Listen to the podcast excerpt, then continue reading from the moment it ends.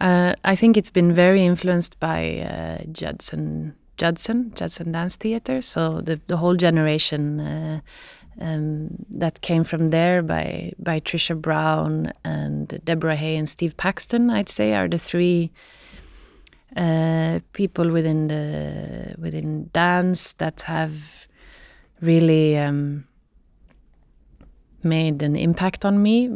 Steve Paxton and Deborah Hay, I both worked with in school, and also the school that I went to, SNDO, has this clear lineage to um, to New York in the 60s and 70s because the founder of that school came, Pauline de Groot. She came from from she's she worked in New York and then she decided to go to Amsterdam to start a school. Um, so I had all these techniques, a lot of improvisation techniques um, that kind of derived from there, and that uh, gave me um, that informed me a lot. From Deborah Hay, the notion of uh, practice of performance has been very, very useful. From Steve Paxton, I would say, has really influenced this um, this idiorhythmic uh, way of working uh, that I've also developed. He's he's somebody that works a lot with waiting and with letting things come when they come, not um, not not put not projecting kind of uh, uh, work modes onto it. He lays on the floor for very long doing spirals, and then all of a sudden somebody starts making a choreography, and it kind of all just emerges by itself. This was very inspiring and useful information. And Trisha Brown, I'd say, for her relation to music uh, and the musicality of her dance, uh, which is st striking. Her dance her dance and her dances are are uh, very rhythmical, very musical. Um, so so this for like an older generation uh, have have influenced my work a lot. Yeah, in my case, it's uh, it just it's from this you know it's it's just always been there and it's always been uh, the, such a huge inspiration. I mean, it started with tap dance, so it started with Fred Astaire, a white guy, but it's but uh, it was in its Afro American culture. That's how that's how I started dancing, and then meanwhile, my brother was listening to Yo MTV raps every whatever day of the week it was. It was very present hip hop. My brother was rapping. I mean, we're a white middle class family in Sweden. My father was listening to bebop all the time. Um, I realized more and more how it uh, how it affected me, like how it made me. Um, like I said, for example, how I think that jazz, that what I do is very related to jazz, the kind of thing I set up, also with how I work with uh, structure and improvisation, for example, with setting up very clear scores and structures, but there are always these open spaces for improvisation, for a solo, for something to happen, which is a risk, which can be, which can go wrong, which can go, uh, which can kind of, you know, there's, there's that's something that I think come directly from having somehow learned the values, uh, the the aesthetical, ethical values that come with African American uh, culture, presence of improvisation, of putting something at stake, of doing something that's real. Um, yeah. I mean, rhythm was a very came into my life very early. It was, it was too much fun not to do. I couldn't stop being busy with it, so I was tap dancing at home in my room, and there was no tap school in my in my uh, city that I lived in for children. But but uh, so that started very early, and then I um, I moved to to Sevilla when I was 16 to to dance flamenco. It was uh, flamenco was the dance that I was dedicated to the most.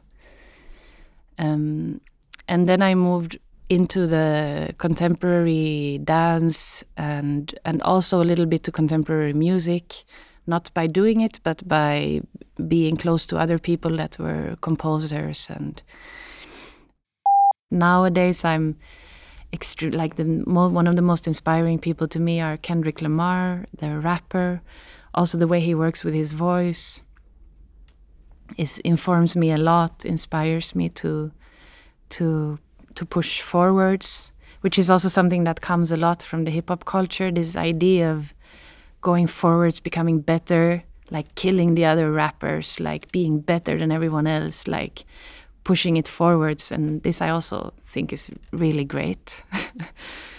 this uh, this thing of wanting to to um, to uh, evolve the art form. Really, a sense of responsibility also for the for the art form.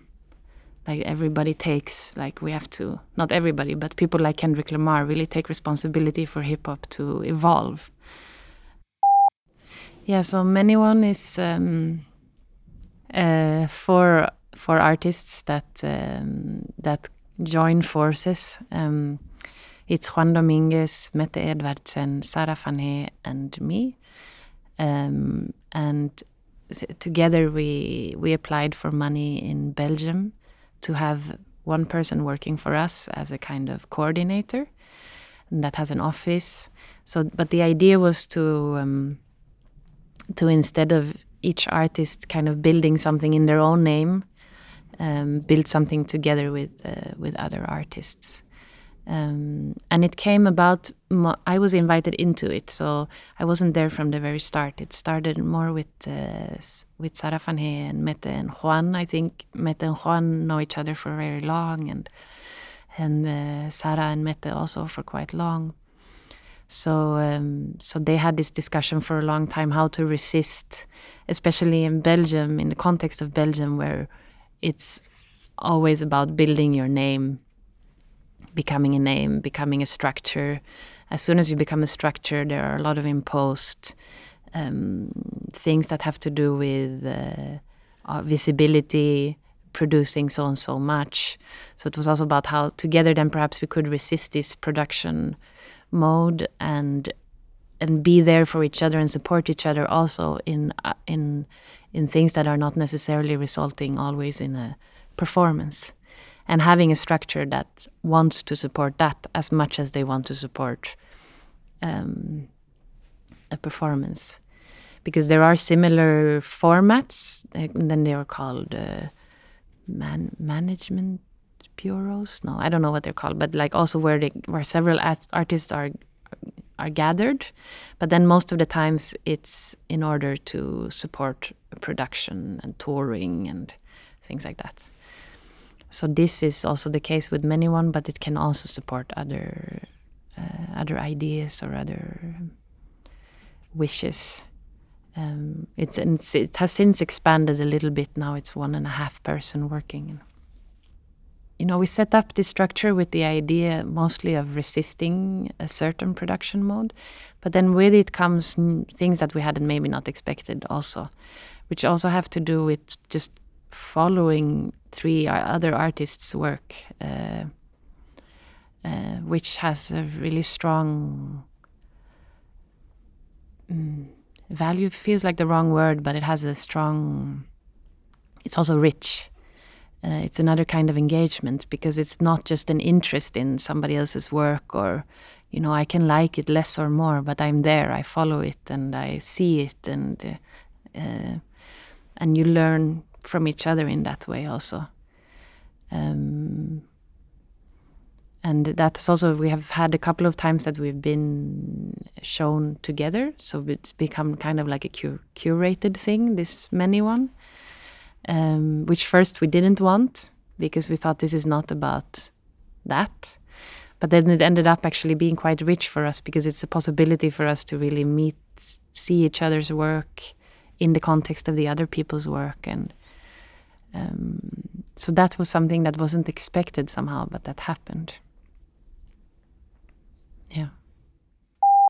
Yeah, John The Houseband is. Um, is a beautiful kind of side, it, eternal side project. I think that will be there our whole lives. Um, and it's uh, six people that came together in Amsterdam. Um, it was the dramaturge Robert Steijn that wanted to have a house band for an occasion, and he's he kind of put us together. He said, "You are musical, you're musical, you're musical. you should do something together. And then we started off playing, you know, covers, uh, cover songs, and we played instruments that we didn't know how to play. It was all very amateuristic, um, completely based on uh, the wish to play music together and nothing else. No, no pretension, no ambition to be uh, anything, but just able to play a song. Um, but then we've now played together for 10 years. We had our 10 year anniversary last year in, in Dro in, um, in Italy. And uh, of course, we became, we became better and we uh, started to make our own songs. But we try to always keep the this same kind of freshness we had in the beginning by constantly we change instruments with each other or we try out making songs in all kinds of different styles that we've never tried before. Um, and it's all uh, done with a kind of childish uh, curiosity to to being towards being a band, uh, and we never move beyond that place somehow of being children, friends, playing around. So it's uh, it's really beautiful. It's always uh, a lot of fun. yeah, and then we live we live together many times. We travel together. We live together, and uh, uh we've learned. We've gotten to know each other very very well. So um, it's another thing to age with.